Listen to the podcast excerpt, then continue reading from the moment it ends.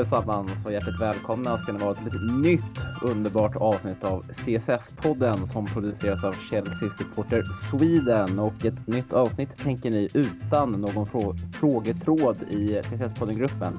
Mm, så är det för att eh, jag och Kevin satt och snackade lite här i förmiddag om att eh, kanske vore mer aktuellt att vi spelar in ett eh, ordinarie avsnitt på lördagen inför den sista och avslutande omgången i Premier League och att vi idag istället kör en lite kortare variant där vi först och främst fokuserar på eh, matchen mot Liverpool imorgon där Chelsea har chansen att eh, ta sig till nästa säsongs Champions League. Men eh, vi får ju inte heller glömma, lite kort bara, att eh, vi även spelade mot eh, Manchester United i söndags och tog oss vidare till en FA Cup-final som, eh, där Arsenal står för motståndet i början på augusti. Och eh, Kevin, hur har eh, dina senaste Chelsea-dagar varit sett till eh, matchen eh, mot United i söndags?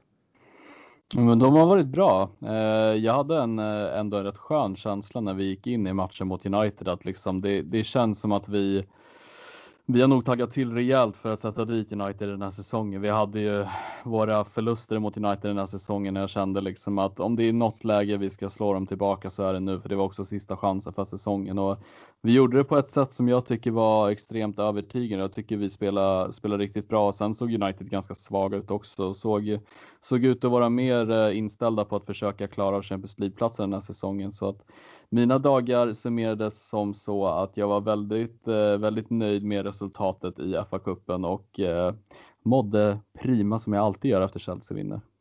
Mm. Har du fortfarande ute på landet? Ute på landet fortfarande. Vi, eh, vi börjar dock eh, se över våra möjligheter och kanske åka tillbaka till innerstan igen och får vi se vad som, vad som händer där. Kanske få njuta lite av den sista lediga sommaren i innerstan istället. Men just nu är vi kvar här ute och njuter av det är lite hackiga vädret. Det har varit lite sämre idag men det är ändå helt okej. Okay. Och, och du knegar på som vanligt eller? Mm, ja, du måste ju komma hem nu för att eh, du har ju bokat in en eventuell middag med mig på torsdag. Ja, ja men fan, jag kan ju absolut åka in och så tar man en bulle hem till landet igen. Men uh, in ska jag i alla fall på något sätt. Mm, ja, men det tycker jag är bra. Härligt. Eh, mm. Ja, fan. Eh, jag håller med. Hur, var... ja, men jag frågade dig, hur har, din, hur har dina dagar varit? Jo, men de har varit bra. Eh, de har varit mycket bra om man tar det från eh, söndagen 1945 efter när, vi, när domaren typ satte, satte pipan i munnen och blåste av den första halvleken. Jag hade sjukt stressigt eh, söndag eftermiddag med tvätt och matlådor och allt som måste fixas. Um, jag hade faktiskt ingen koll på att matchen visades, på, på kanal 9 så när man sätter sig framför datorn då ska jag dra upp en halvkassig stream där jättestressad, maten på tallriken och allting liksom och bara ska slå sig ner. Då sitter man ju framför en laggig jävla piss-stream som bara hakar upp sig som gör att man tappar allt intresse för att se, för ens se matchen. Men sen mm. pratade jag med en kompis som sa, att, eh, sa att han sitter och kollar på, kan på kanal 9. Jag bara, vad fan sänds matchen där liksom. För det är en, det är en kanal som jag har på tvn. Uh, men jag har inte själva Dplay. Så att då räddades ju hela situationen upp. Jag var ju så jävla lack där i halvtid också så att jag gick ju till affären och köpte chips inför andra halvlek. Jag vet inte om det var i effekt av att jag var förbannad eller om jag bara var jävligt sugen. jag tror att du var lite förbannad faktiskt. Jag är skitförbannad. Då brukar, då brukar man ha tendensen att gå och handla chips när man är sur. Ja exakt, det piggar alltid upp. Exakt. Vi hade, hade en liten rolig tråd där i uh, CSS-podden-gruppen också vad alla käkar. Eller vad ja. bästa ja, jag, är riktigt, jag, är riktigt nöjd, jag är riktigt nöjd med den tråden jag drog ut. Det var, jag fick också perspektiv av liksom hur många som faktiskt käkar den här chipsmaken jag käkade. För jag trodde jag var jävligt ensam om den. Det är någon ny jävla OLV-smak som är, jag har fastnat rejält för den alltså. Fina, fina gräslök och fan vad det är, gräslök och eh, crème fraîche tror jag att det är eller något sånt där. Eh, fin, jävla, fin jävla kombination alltså. Du vet, mm. det är inte de här räfflade chipsen, de är lite mer tunnare. Vilket som jag gillar. Chips. Exakt, lite mer du vet, ja men lite ojämnare, ser ut som någon jävla huggit några potatisbitar och slängt ner en påse bara. Det ser liksom mm. fräscht ut. Ja, men fan vad gött. Nej, men med lite chipsen inför andra halvlek och man fick se en Mount som direkt bara rusade in 2-0 och sen Rydiger som tåade in 3-0, då, då mådde man ju som en kung och eh, jag har försökt fortsätta göra det här resten av veckan. Eh, mm. Men, ja, men det känns fan ändå, alltså när man tänker på det så känns det ändå helt, ändå rätt otroligt ändå att Frank Lampard Chelsea står i en FA Cup-final när, när, man, när man har haft en väldigt tufft motstånd på vägen. Vi har ju snackat om att vi slog ut Liverpool i, i kvartsfinalen, eller åttondelsfinalen kanske då. Åttondelsfinalen var det vi slog ut Liverpool Åttondelsfinalen ja. Ehm, och eh, sedan mot United där som vi har åkt på råpisk gånger tre under säsongen. Och ändå skönt att han äntligen får utmanövrera eh, Solskär till slut. Verkligen. Eh, det har ju varit också ett United och tycka vad man vill om United. De har ju varit väldigt starka efter uppehållet och har vunnit majoriteten av sina matcher och eh, men det var liksom, det var ju, de fick ju ett hackigt resultat med sig mot Southampton hemma och det kändes som att om det är någon chans vi ska ha nu så, så, så ska vi verkligen liksom gå all in. Vi ska inte liksom rotera alldeles för mycket och jag tycker också om man kommer in lite på det taktiska. Jag tycker Lampard utmanövrerade Ole rätt rejält i matcher med hur han ställde upp laget och hur vi valde att liksom föra matchen på ett sätt som jag tyckte var väldigt kul att se. Precis som när vi mötte Tottenham tyckte jag att det var ungefär samma matchplan som verkligen gick hem. Det var lite kul också när man såg hur, när startelvan släpptes, för det, det kändes som att båda skulle försöka vara liksom geniet eh, under mm. matchen och ställa upp en, en tre eller fembackslinje, vad man nu väljer att kalla det. Eh, men att det ledde till att ändå att första halvlek var ju en, det var ju en del ställningskrig, men eh, sen blir ju liksom matchbilden lite annorlunda när Bajy eh, gick ut, gick ut skadad och tvingades, tvingade Ole till att ändra om lite. Mm. Ja men verkligen. Och såklart, det var inte en jätterolig smäll. Det är aldrig kul med huvudskador, men precis som du säger så var det ju det satte lite perspektiv på matchen för Bajy har varit väldigt bra sedan han kom tillbaka och gentemot den Sven som finns i United i Lindelöf så har Lindelöf varit ganska svag. Jag tycker han är jag tycker det är förvånande fortfarande att han spelar match in och match ut i United med tanke på hur svag han ser ut varje gång man tittar matcher med United så tycker jag att det är liksom han ser ut som en liten skitunge som springer runt bland stora starka snubbar. Det jag förstår inte hur han fortfarande får förtroende, men det är kanske det blir ändring på nästa säsong för The Red Devils. Ja, man signerar väl ändå ett nytt kontrakt där också under säsongen, ett nytt femårskontrakt. Lindelöf. Mm. Så, det gjorde, det gjorde ju även David Luiz i Arsenal. Ja. Så de eh, två sitter, sitter säkra i sina respektive klubbar, i alla fall i klubben, men kanske inte i startelvan. Eh, mm. Men eh, Fabregas var ute och skrev lite på Twitter också under matchen och påstod att Giroud är en av de bästa spelarna i världen på att hitta ytan vid första stolpen. Håller du med om det? Ja, men det håller jag med om om. Jag såg, eh, jag såg någon compilation av Giroud när han hade suttit dit några bollar och många var på första stolpen. Men alltså det är inte bara just första stolpen. Jag tycker han är en av de bästa anfallarna i världen på att hitta den här första, alltså den här skarven direkt in i mål från olika vinklar. Jag tycker det är själv som fotbollsspelare när man spelar på plan. Det är så här, det är en sån instinkt att ha som anfallare och jag tycker det är fantastiskt med de anfallare som har den instinkten att bara hitta liksom den här lilla enkla bollkänslan om man stöter in den mot mål. Det är liksom inte, du måste ju hitta bra vinkel, tillräckligt med kraft, få inte för mycket fot under boll och Giroud är extremt duktig på det. Jag tycker generellt sett att han, han måste ju vara en av de mest underskattade anfallarna i världen. Han har kommit in säsong efter säsong mot slutet av säsongen och oftast gjort ganska mycket mål och bidragit väldigt mycket till laget. Jag tycker han är, han har verkligen gjort sig förtjänt av sitt kontrakt. Mm. Det är ju typ så det har sett ut med Giroud. Jag vet inte exakt hur det såg ut i Arsenal. Där var han ju lite mer ordinarie kanske. Men eh, han har ju alltid blomstrat till här mot våren när övriga anfallare i truppen har floppat inom citattecken när de inte har levererat. Eh, mm. kan, han vara den bästa back, kan han vara den bästa backup-anfallaren som finns? I hela världen? Ja, men bland de bättre ändå. Alltså sett ja, till liksom hur han presterar varje gång han hoppar in. Jo, det skulle jag nog säga. Det skulle vara ändå kul att få upp lite statistik på eh, antal mål från anfallare som har kommit in från bänken och, och också även spelade minuter för att få en, en rättvis jämförelse. Men där tror jag absolut att han kan, inte komma in från bänken för nu är Giroud får starta lite, men, men som ett uttalat ändå andra alternativ. Eh, mm. Hur eh, många mål de har gjort. Och där tror jag absolut att Giroud kan uh, ur statistiskt perspektiv vara med i toppen. Och jag håller med då, han är ju extremt nyttig för Chelsea just nu så att absolut kan han vara bland de bättre i världen om man tänker det så. Eh, men också lite jävla, lite jävla kul, också, också lite roligt att eh, eh, jag gillar ändå typ att med Fabregas där att eh, när han är ute och snackar på sociala medier så är det ju 80% av fallen så handlar det om Chelsea, inte Arsenal och inte Barcelona utan det är, det är Chelsea han twittrar om.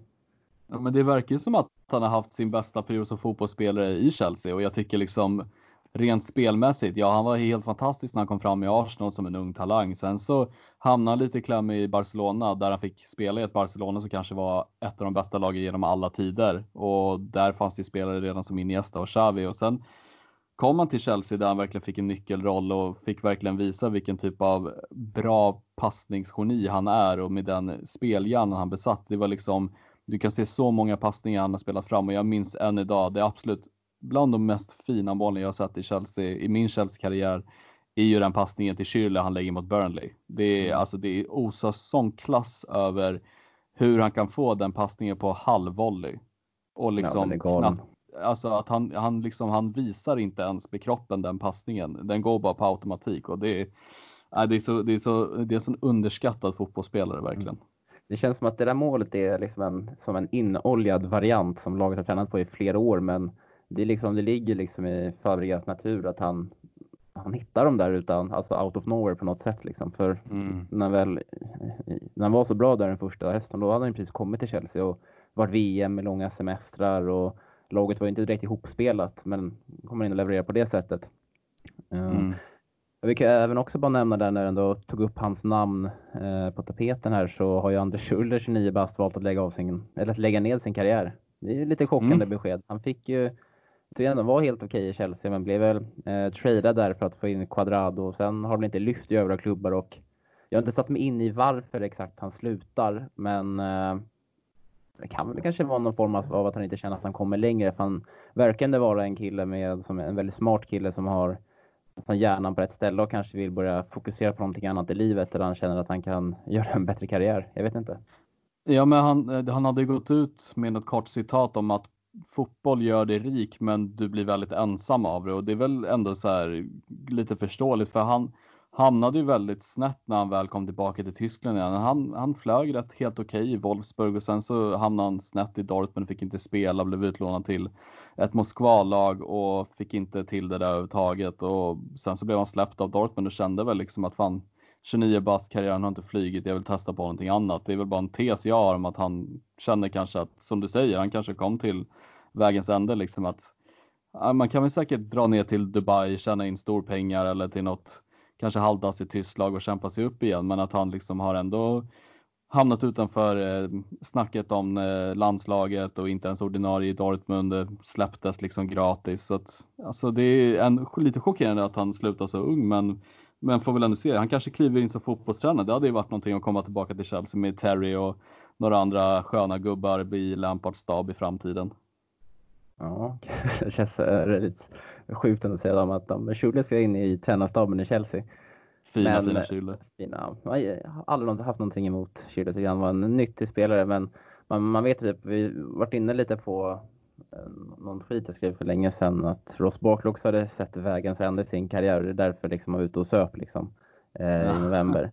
Och man vet ju liksom att André Schürrle när han lägger ner karriär, när han lägger skorna på hyllan rätt tidigt så ska han bli akademiker medan Ross Barkley om han skulle göra samma sak så skulle han ha hamnat som stammis på lokalbaren i Liverpool liksom. Ja, ja jag, kan, jag kan tänka mig Barkley sitta med en pint fish and chips och hova i sig de här jävla ärtorna på fyllan. Det är, fina bilderna av Barkley jag har. Jag kan tänka mig också att han drar till solariumet minst fyra, fyra timmar per dag, pressar sönder. Ja, fina Barkley. Um, nu känner Barkley, mm. det var en sista sak om Barkley. Har du en gissning om vilket land han kunde representera om det inte var England? För han har ett till ursprung. Oj. Um, jag det är ja, helt sjukt. Jag var så mm. chockad mm. när jag fick höra det. Men jag, jag tror att jag läste, men jag eh, har glömt bort vilket land det var. Men det känns som att det är något helt udda, typ som att han har någon, men typ mm. någon, någonstans i Afrika. Ja, Nigeria. Nigeria. Ja, jag, hans, jag, hans, jag tror att det är hans morfar eller mormor eller någon äldre släkting som har ursprung därifrån. Så han kan, vad ska man säga, rent DNA-mässigt så får han representera Nigeria. Vilket jag tycker är helt fantastiskt för det, det är inte den första tanken man har om Barkley. Barkley Nigeria, han och John Mikael, spelar han fort, spelar Mikael fortfarande för Nigeria? Spelar, ja, spelar han ens fotboll överhuvudtaget? Ja, det gör han. Jo, men han spelar i turkiska ligan tror jag han gjorde senast. Om man inte bröt. Jo, han bröt för kontraktet där på grund av rasismgrejer som hade hänt där nere och sen, sen är han ju lagkapten för Nigerias landslag fortfarande tror jag. Mm. Jag kollade om Champions League-finalen från 2012 här i helgen och fan vad bra Mikael var där alltså. Galet. Vilken Också en underskattad fotbollsspelare. Mm. Men kanske den tråkigaste fotbollsspelaren av dem alla som man sett i en Chelsea-tröja. Alltså han är extremt nyttig, men det är en spelare som bara, det är en, inte en spelförstörare, men han, bollen går ju inte framåt när han är på planen. Men jävlar vad han drog in cash på att bara stå på planen. Fina, fina bra. En väldigt nyttig spelare, men nu känns det som att vi har Ja. eh, glidit ut verkligen för långt. Vi var inne på United-matchen där och eh, kan bara konstatera också att Chelsea ändå på något sätt räddas av ganska, två ganska stora tabbar från de Gea som man kan eh, lägga på den grövre hyllan av målvaktstabbar. Eh, men lyckas ändå knipa 3-1 och Chelsea är vidare till FA-cupfinal och eh, då har ju Frank Lampard möjligheten att vinna FA-cup, FA-cupen både som eh, spelare och tränare. Kevin, vet du vilka de andra två är?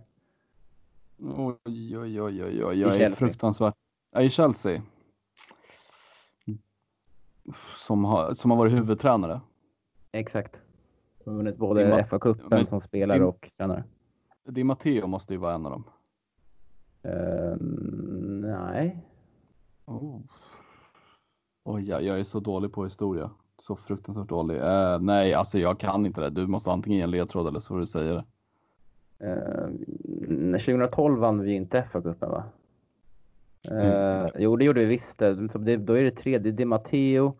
Mm. Eh, första där. Och sen eh, har du ju Rud Schullit på 97. Då var han ju spelande tränare till och med. Så han, Och fy fan eh. vad äkta ändå. och sen även eh, Gianluca Vialli eh, år 2000. Just det.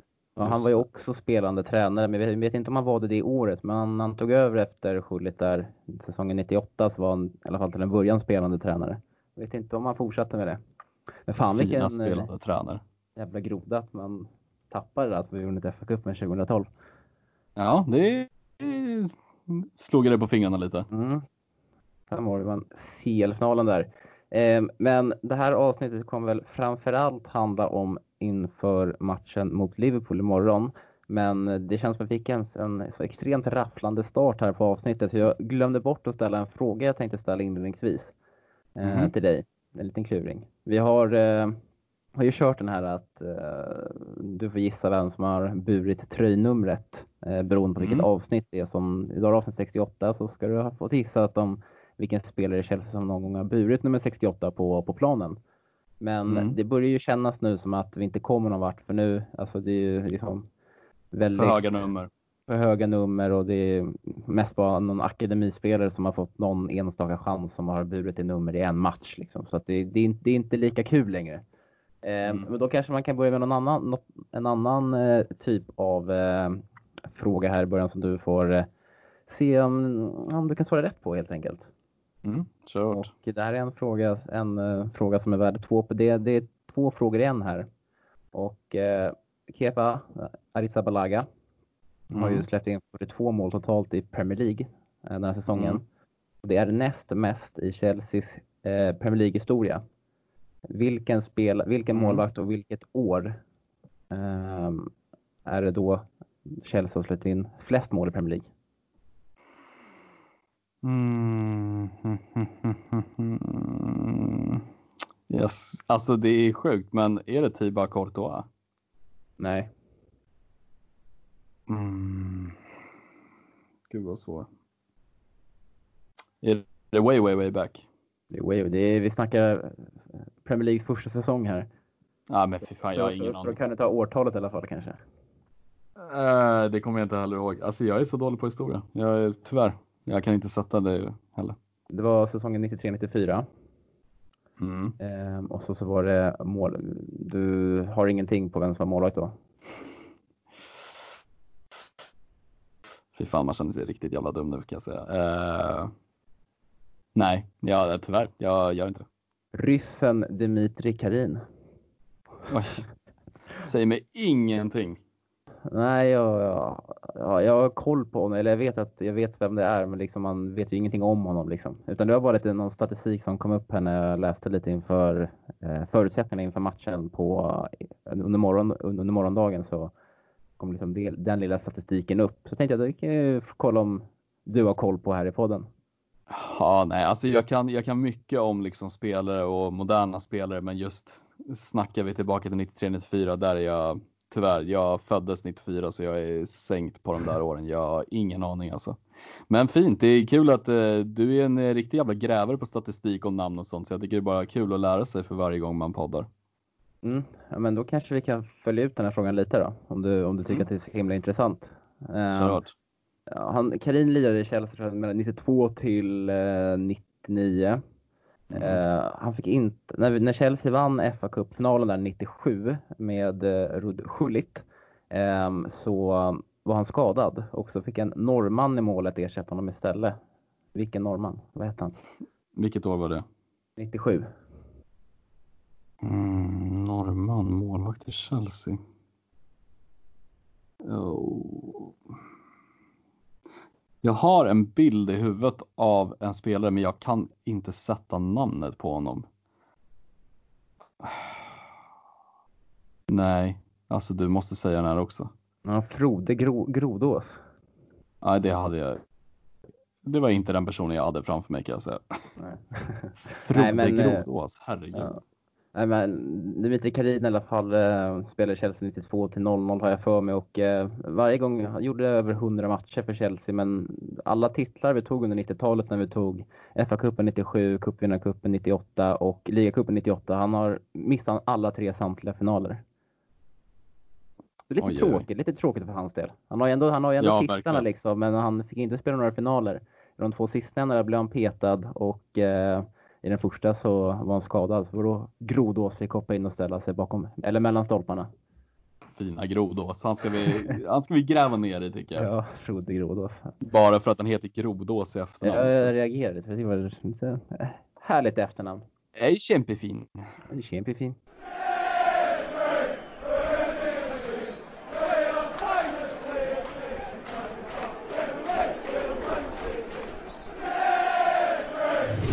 Imorgon onsdag då Kevin så väntar ju Ja, kanske säsongens viktigaste match hittills. För det är ju ändå en Champions League-plats som står på spel. Vinner Chelsea imorgon mot Liverpool på Anfield så är vi klara för Champions League nästkommande säsong. Och eh, det här är en match som eh, jag hoppas att eh, du sitter på alla möjliga förutsättningar inför eftersom att du har ju hand om rapporten eh, på Svenska fans inför den här matchen.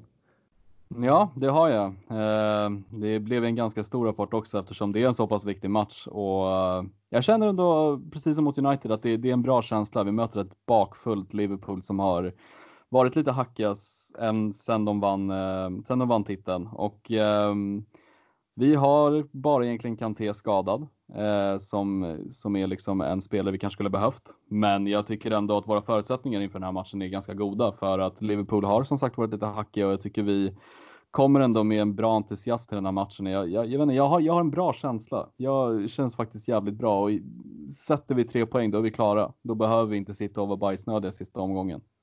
Mm. Nej exakt, det är det, det är det man vill undvika, att eh, man får ett, ett, eh, ett, ett drama som avgörs i sista omgången som vi så snyggt undvek förra säsongen när Brighton lyckades få med sig poäng från Emirates eh, i den sista omgången i fjol.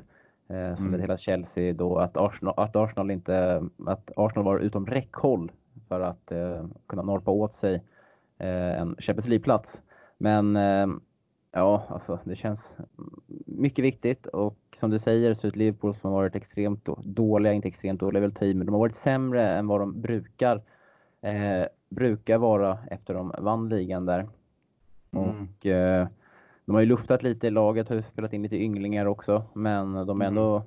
åkt på pumpen med mot City med 4-0 och de torskade mot Arsenal med 2-1 senast. De spelade 1-1 mot Burnley och det är ju och det är inget Liverpool som man har sett eh, den här säsongen. Nej, verkligen inte. Och speciellt inte van Dijk och Alisson som båda var direkt bidragande orsaker till 2-1 förlusten mot Arsenal. Och eh, det är just det som jag tycker är väldigt gynnsamt för oss att ja, vi vet att vårat spel har varit rätt hackigt, men jag tycker också och har liksom en spontan höftning och känsla av att vi spelar upp oss väldigt ofta mot starkare lag. Jag tycker till exempel att insatsen mot Liverpool fortfarande, som jag varit inne på flera gånger i den här podden, eh, på hemmaplan i ligan var en av våra bättre den här säsongen. Och i och med den här starka vinsten mot United senast tror jag att laget flyger helt okej okay. och vi fick även vila vår, kanske vår bästa spelare efter uppehållet i Pulisic, eh, som kanske kommer helt kry till matchen och Eh, jag tyckte ändå så här, om vi ska ta lite senast från United så spelade Kovacic och eh, Jorginho en väldigt bra roll i, eh, i matchen mot United. Jag tycker båda fungerade bra tillsammans för en gångs skull. Jag, Jorginho har man varit inne och klagat på rätt mycket och Kovacic har ju varit lite in och ut sen han har varit lite halvt skadad och sådär. Så att eh, jag, vet inte, jag tycker känslan är väldigt bra. Som du säger, Liverpool spelar ju mycket lite mer ynglingar nu och Matip och Henderson är ju skadade och Henderson speciellt är lagkaptenen i laget varit väldigt duktig defensivt och en bra ledare och städgumma på, mitt, eh, på mitten och väldigt viktigt för oss att vi tar liksom vara på den här chansen nu vi har för jag, jag tror att vi kan få med oss ett bra resultat från Anfield. Jag känner också att eh, det har varit inte samma Liverpool man har sett som har totalt dominerat den här säsongen de senaste matcherna. Mm. För det är också ett Liverpool också som kommer till matchen helt omotiverade. De är ju absolut ingenting att spela för. När, när, när de vann ligan så, så, var det fortfarande snack om att de skulle slå, klå 100 poäng, men det är också utom räckhåll nu. Det finns inte möjlighet att, att de kommer göra det. Jag tänker också att efter matchen så ska Liverpool lyfta bucklan på Anfield. Det känns som att får vi in ett tidigt ledningsmål, då kanske tankarna kommer gå redan direkt på eh, festen efter för dem. Så att, alltså det, och sen som du säger också, det känns som att i varje match, vi mött Liverpool två gånger, vi blev ju torsk i ligan eh, med 2-1 på Stamford Bridge och sen vann vi över dem med 2-0 i FA Cup åttondelsfinalen.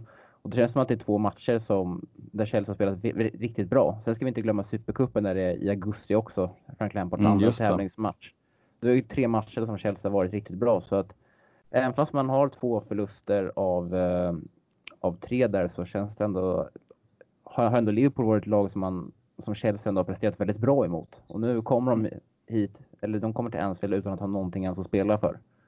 Mm, och det jag tycker är så, så viktigt att vi har till den här matchen också, det är att måste vara att Frank Lampard är in på sin första träning eller på sin första session som tränare första säsongen. Men han har ju sånt stort bagage av rutin från sådana här viktiga matcher som han kan impregnera i spelarna i truppen idag. För det här kanske blir en av de lite mest betydelsefulla matcherna för spelare som Mount och James och Tomori nu om man skulle spela. För det här är ju verkligen så här, klipper vi den här matchen då har vi CL-platsen i våra egna händer. Och eh, precis som du säger så kanske de är, Liverpool har tankarna på annat håll och vi kan få dem i balans redan från start. Och, eh, men jag känner bara liksom, det, det, det är ändå en god vind som blåser nu och jag tycker att Måste vara att resultaten var lite hackiga tidigare. Nu har vi ändå fått med oss den här 1-0 vinst mot Norwich som jag tror betydde ändå rätt mycket mentalt och att få spöa United i FA Cup semifinalen och liksom sätta dit dem. Det gör ändå väldigt mycket med laget och att vi ändå känner att fan, nu är de två sista matcherna, det är bara att ge allt vi har. Om, om spelare känner sig lite halvskadade, då är det bara att spela dem ändå, för det finns inte så mycket annat i tankarna. Nej exakt, vi har ju två chanser vi har allt i egna händer för att uh, ta Champions League-finalen, som är, eller Champions League-finalen, för att ta Champions League-platsen som är, Önsketänkande. som är så otroligt viktig inför nästa säsong med vad det gäller ekonomi och vad det gäller att locka till sig nya spelare. Men, uh, och sen ska ju Chelsea såklart, det ska vara en klubb som spelar Champions League varje säsong så att det ska ju vara ett krav med, kanske, som kanske var lite annorlunda inför den här säsongen med Frank Lampard men det, jag vet inte, det känns som att två, två, två chanser, vi har två matchbollar. Ett omotiverat Liverpool känns ju mycket lättare att slå också än ett motiverat Wolves som kommer på Stamford Bridge på söndag. Mm. Så, vet fan alltså, det, det är nästan så att man sitter och räknar med tre poäng här faktiskt. Ja men så är det och om man ska liksom tänka ur ett lite bredare perspektiv så har United samtidigt West Ham hemma om inte jag missminner mig som du nämnde tidigare. Eh, och även där, nu ska vi inte fokusera på andra motståndare så men man tenderar att glömma också att ja, United har varit i bra form och så vidare, men West Ham har ju också någonting att spela för. De slåss i botten och det är väldigt, väldigt stor skillnad på att åka ur och klara sig kvar i eh, Premier League för, med tanke på de ekonomiska omständigheterna och vad det innebär. Eh, så jag tror även att United kan gå på pumpen om vi har lite flyt med oss och sen ska vi såklart fokusera på vår egna match, men vi har förutsättningarna på vår sida och vi har det här i våra egna händer och som du säger, de tre matcherna vi har spelat mot Liverpool, det är bland de bättre prestationerna vi har spelat eh, den här säsongen. Och nu kanske det var en annorlunda situation i kuppen när vi roterade lite och Liverpool roterade lite, men det var ändå en väldigt bra genomförd match och eh, det ska bli sjukt intressant. Jag tycker det är väldigt kul att se också eh, fronttrion med både Viljan, eh, Pulisic och Giroud som verkligen har hittat någon typ av kemi som har fungerat de senaste matcherna och Mount till viss mån nu också mot United var väldigt bra där uppe. Så att det ska bli sjukt intressant att se hur vi matchar emot van Dijk och Gomes troligen där bak. Mm. Vi satt ju och snackade lite också, du och jag, privat eh, tidigare idag om lite olika scenarion eh, hur, det kan, hur de här två sista omgångarna kan komma, komma att utspela sig. Och som vi tidigare nämnt här under dagens avsnitt så räcker det bara med en vinst på två matcher för Chelsea att ta sig vidare. Då, det är det enda som krävs. Eh, men också så ett scenario som, eh, eh, som jag är så extremt jävla rädd för. Det är ifall eh, både Chelsea och United torskar imorgon. Eh, och då står Chelsea på 63 poäng och Leicester och United står på 62 vardera som möter varandra sista omgången. Alltså tänk om Wolves alltså, sätter dit, alltså får in en 2-3-0 på Chelsea. Det är så 0-0 mellan Leicester och United och de kör en, ja, de bara, och båda två bara spelar på resultatet. För då går ju båda ja, om oss på målskillnad också. Precis, och det är inte första gången i världshistorien man ser två lag stå och bolla lite på egen planhalva. Eh, när man vet att man har resultatet med sig. Jag minns ju Kommer du ihåg matchen mellan Sverige och Danmark när vi spelade ut ja. Italien i gruppspelet? Eh, ja, ett likadant scenario. Och då, då hånade svenskarna och danskarna för att vi liksom spelade på resultatet. Jag förstår det som, liksom, som lag och fotbollsspelare på planen. Man gör ju allt för att vinna. Man tar till alla knep som går. Jag hade gjort likadant om det var Chelsea som kunde spela ut ett annat lag. Så att vi, det, jag känner liksom, ska vi avgöra ska vi slå på stort och göra det mot Liverpool så att vi kan andas ut och köra en så här snygg eh, escape ifrån den här sista omgången som troligen man kommer sitta och skita ner sig och ha fartrandor i brallorna liksom. Jo, nej fan jag, jag, jag vet inte om jag klarar av det för det, det, känns, det, det blir som en final sista matchen då. Det ja det blir det, men, men då får vi sitta och hålla varandra i handen sista matchen också så tittar vi på det tillsammans och lider oss igenom det hela. Mm, nej, men det kommer inte ske för att Chelsea tar tre pinnar imorgon och det är inget, det är inget snack om saken. Eh, vet du vad jag tycker att man borde skrota? Jag, jag, jag vet, men du får gärna säga det till alla.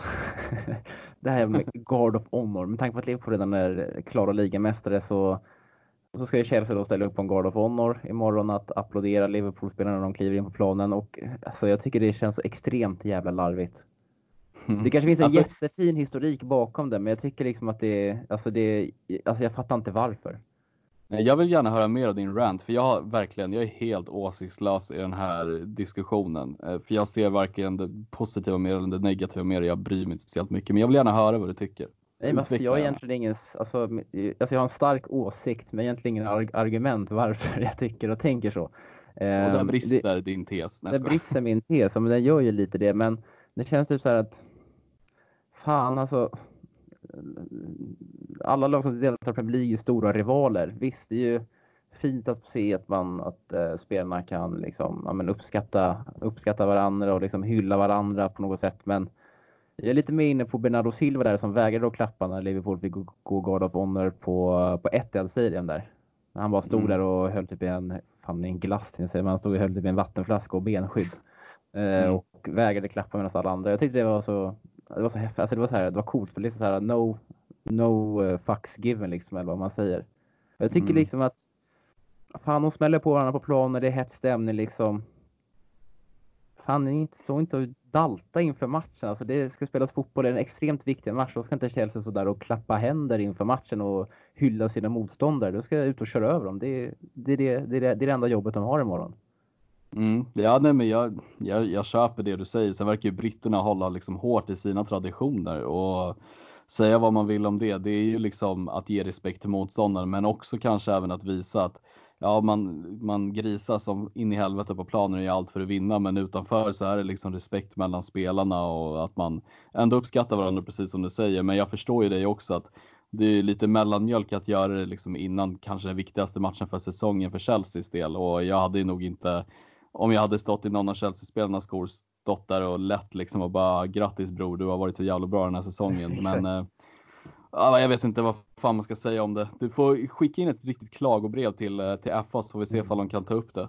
Ja, men det finns ju säkert en jättefin historik bakom det som jag sa, men som man kanske kan få lite mer förståelse för om man läser på om det. Men jag vet inte, hela situationen känns som ett, ett ord som jag, som jag också heller aldrig förstått mig på, det här ordet cringe liksom.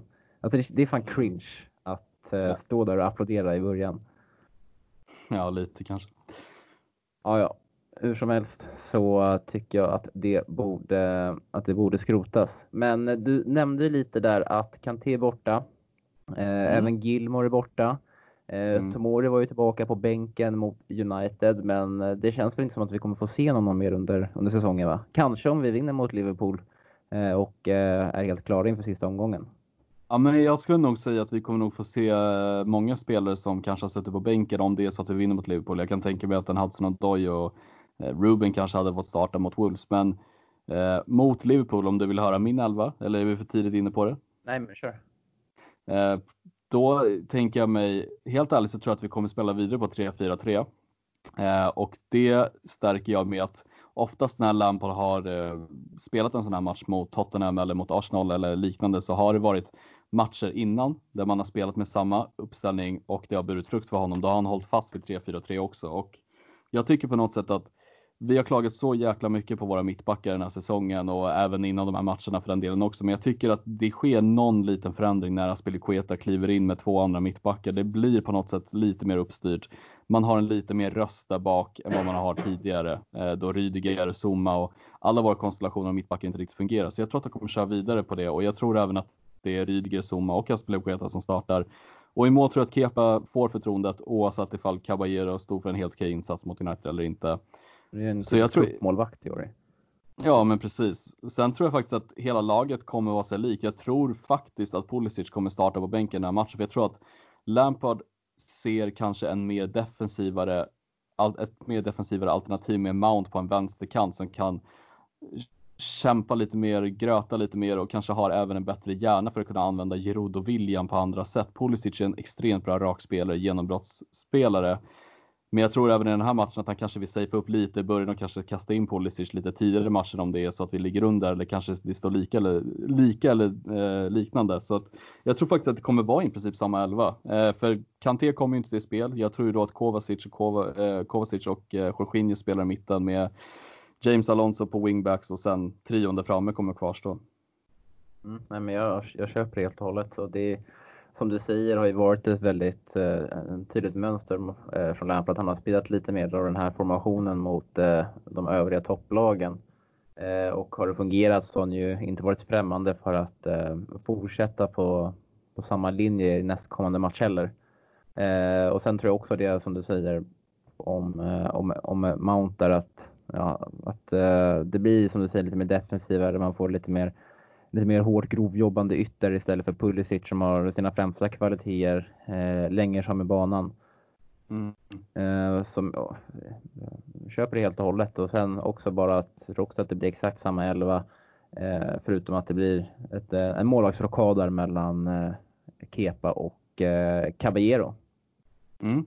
Ja men jag, jag, tror det och eh, Ska man bara grotta in sig lite snabbt i Liverpool så tror jag dock att de kommer ställa upp det absolut starkaste laget de kan ställa måste ha varit ynglingar att spelas eller inte, men jag tror spelare som Trent Alexander-Arnold, van Dijk, Gomes, Robertson, eh, ja you name it, Mané, Firmino, Salah, alla de tror jag kommer spela den matchen. Eh, sen så får vi se vem det är som ersätter Henderson kommer troligen bli Oxlade Chamberlain med Wijnaldum och Fabinho i mitten och sen så lär de väl spela på Gomes och van Dijk som mittbackar så att jag tror att vi kommer få se de starkaste egentligen lagen man kan ställa på planen från båda sidorna och jag tycker sett till scenariot vi är i så är det här laget vi kan ställa upp nu imorgon. Det är våra 3-4-3 det bästa vi kan ställa upp med tror jag. Mm, enig. Och eh, hur kommer du att eh, se matchen imorgon? Jag, jag är en sån person som gillar att bara stänga in mig själv, vara helt, helt själv och bara titta och vara tyst och ha hörlurar på och bara stänga ut allting annat. Så jag kommer sitta i eh, min flickväns gamla barndomsrum i sängen och sitta med en chipspåse och skrika sönder ifall det går vår väg eller inte. Och skriva lite CSS kommer... på den gruppen kanske? Ja, alltså jag tycker det är så jävla skönt med CSS-podden-gruppen att man kan få skriva ut sina känslor. Det är faktiskt helt underbart att ha människor i gafflar med. Jag känner ju inte så jävla många Chelsea-fans liksom privat sedan tidigare så att det är så skönt att ha ett stort forum där alla tycker ofta som, som man gör själv eller att man får ha härliga diskussioner med varandra så att jag kommer sitta och gaffla som in i helvete imorgon. Mm, ja men härligt. Eh, jaha, du kanske undrar hur jag kommer till matchen då? Ja, jag väntade bara på att du skulle flyta ut och säga någonting. Du måste få frågan. Men, Hur eh, kommer du det... se din match imorgon? Ja, ja, ja, tack som frågar. Tack som frågar. Eh, jag kommer nog se, jag kommer se den hemma. Jag kommer sätta mig i min soffa eh, och kolla med, och kolla med farsan tror jag. Sitter vi och hejar lite på Chelsea. Inte lite, är han Chelsea-fan? Eh, Ja, det är, är det något lag så är det ju, är det ju Chelsea. Han var, var ju på Stamford Bridge i, eh, i höstas tillsammans med mig och Erik som fixar poddbilderna och hans farsa. Så kollade vi Chelsea Newcastle och det var en fin upplevelse. En fin, en ja, härlig far och sonhelg gånger två. Ja men kul, då får du ju kanske dela med dig också när du har lite åsikter om spelarna i laget och så och få lite gehör från honom. Då fattar jag varför du inte är så aktiv i CSS-podden-tråden. Mm, ja, men eh, sån dunder kollar han inte. Eh, det var någon match, jag inte ihåg om det var mot eh, Norwich eller om det var mot eh, Crystal Palace. När, när Abraham hoppade in, då ställde han frågan, vad har hänt med honom? Så han, han, han är ju skitbra. han, är liksom, han hänger inte med i turerna liksom. Och eh, så är det ett halvt öga på matchen och ett halvt öga på någonting annat när du sitter och kikar. Så. Mm. Det är, så, ja, det är Chelsea, Chelsea då, så är det Chelsea. Men det är härligt. Och eh, innan vi, vi rundar av så kanske vi ska ge lite Silly-nytt. För det börjar verkligen mm. röra på sig nu när det kommer till eh, Kai Havertz. Så är det ju verkligen. Han eh, sägs ju nu vara helt överens med eh, Chelsea om sin, eh, sitt personliga kontrakt eh, och det har de flesta stora korrespondenter och tidningar bekräftat. Det är liksom korrespondenter från David Ornstein till eh, Fabrizio Romano till Nizar Kinsella och alla de här trovärdiga källorna som har bekräftat att Chelsea är överens med Kai Havertz om det personliga kontraktet och det ryktas även om att Peter Cech kommer resa ner efter söndagens sista omgång och börja förhandla med Leverkusen om den slutgiltiga övergångssumman som sägs landa någonstans mellan 70 till, eh, ja det är 70 miljoner vad blir det, 70 miljoner euro plus 30 miljoner euro i bonusar. Så ska man sluta helt fullt så är det runt miljarden man kommer få betala för Havertz. Så det är mycket pengar men eh, det är en spelare som vi har chansen att norpa och då kommer vi ta den. Och jag skrev en jävligt lång krönika om varför jag tycker i alla fall att vi bör gå efter honom oavsett. För det är en, det är en spelare vi inte ska missa om vi nu har chansen att värva honom. Så att, jävligt kul att det börjar hända lite saker. Jag tror att vi kommer att se honom posera med Marina om någon vecka och fina fina Marina som fortsätter och göra dundervärvning efter dundervärvning. Mm, och den krönikan kan man ju läsa på svenskafans.com snedstreck Chelsea så hittar man till den. Eh, någonting som jag läste också, det finns ju kanske någon ynka enstaka procent substans i det, men det var att eh, Chelsea är överens med Dean Henderson om det personliga kontraktet. Och det tror jag inte ett skvatt på, men det som ändå får mig att reagera när det kommer sådana nyheter eller sån journalistik, det är att det är, att det är taget ur tomma intet. För att som jag har förstått hur reglerna fungerar så får man ju inte prata med spelare utan, eh, utan, klubbens, eh, utan klubbens tillåtelse, alltså den klubben som äger honom.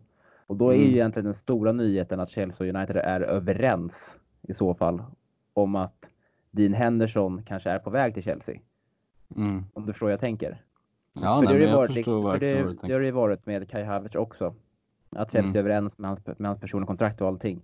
Men det är ju mer rimligt eftersom att det är välkänt att han kommer vilja lämna efter säsongen och att Chelsea ryktas. Så det är klart att Bayer Leverkusen har gett Chelsea tillåtelse att förhandla om det personliga kontraktet. Men i slutändan måste de även komma överens med Bayer Leverkusen. Och det finns mm. ju ingenting som säger att United har, eh, alltså har gett Chelsea tillåtelse att börja, att börja förhandla med Dean Henderson. Det finns ju inte. Nej, alltså det är ju väldigt märkligt för att Alltså nu ryktas ju Chelsea slita egentligen i varenda toppmålvakt som existerar i hela jävla Europa. Men Eh, just fallet Kai Havertz, om vi går in på det, så, så kommer jag ihåg att Lampard sa tydligt för några, någon vecka eller någon månad sedan att eh, Kai Havertz är en jättebra fotbollsspelare men vi har inte pratat någonting med honom och vi, liksom, vi, ryktas, vi kommer inte ta honom eller något liknande. Och sen när han fick frågan igår, eller idag på sin presskonferens så var det lite mer Just nu pratar vi inte om eventuella transfer, eh, transferspelare som vi jagar utan nu fokuserar vi på våra matcher. Det var liksom mer som att han duckade den frågan rätt bra, men att man ändå, det finns en substans i det som ryktas i media. Och fallet Henderson, alltså jag är ytterst tveksam till att vi kommer få Henderson, men det som talar för det är att Lampard har ju verkligen en förkärlek för brittiska unga spelare verkar det som med tanke på att vi ryktas om Declan Rice, vi ryktas om Henderson och han eh, har ju liksom som alla vet satsat på många ynglingar den här säsongen så Helt orimligt är det inte. Sen ser inte jag bara substansen i att United skulle släppa Henderson till en direktrival. Det, det känns lite konstigt när man sitter liksom på en av Storbritanniens bästa potentiella målvakter. Mm. Nej men liksom summa summarum det vill komma till att man allt man läser är att Chelsea eller någon klubb är överens med någon spelare om det personliga kontraktet. Det är bara att vifta bort på direkten. Speciellt när det kommer så här, men, spelare som är utom, utom bort, alltså bortom all logik att Chelsea kommer vinna. Jag säger inte att Dean Henderson är det, men det har inte ryktats eller det har inte varit så intensivt att det skulle vara en möjlighet att United tillåter Chelsea att förhandla personligen med Dean Henderson. Nej, nej så är det ju verkligen. Um, ja, nej jag vet inte, det kommer bli kommer bli jävligt intressant att spela in poddar i sommar med tanke på det förlängda liksom transferfönstret och så mycket rykten det är. Jag skriver i princip två gånger per dag just nu om Chelsea för att det finns så mycket grejer att skriva om för det är så mycket som händer just nu på marknaden så att, det är sjukt, sjukt intressant framtid. Mm. Uh, det känns ändå också väldigt skönt att Chelsea ändå, de, vi får in Havertz nu, vi har fått in Werner, vi har fått in Ziyech och sen är det väl, kommer det väl komma en till två spelare till. Men det känns så jävla härligt ändå att Chelsea klarar så pass tidigt ändå.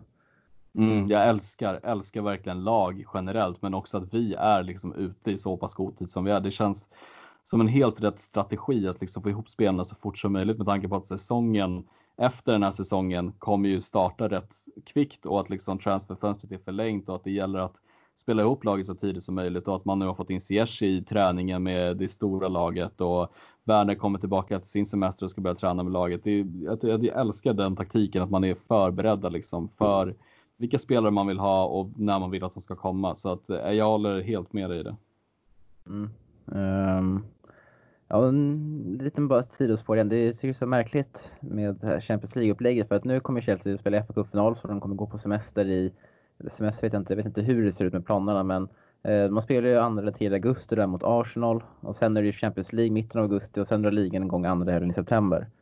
Mm. det är lite märkligt tycker jag. Alltså, för det blir, undrar om det ens kommer bli en uppehåll. Det känns som att det kommer bli en vecka kanske innan, innan Arsenal-matchen och sen blir det någon vecka efter Champions League-matchen mot Bayern München och sen är det ju bara att förbereda sig inför nästa säsong som gäller.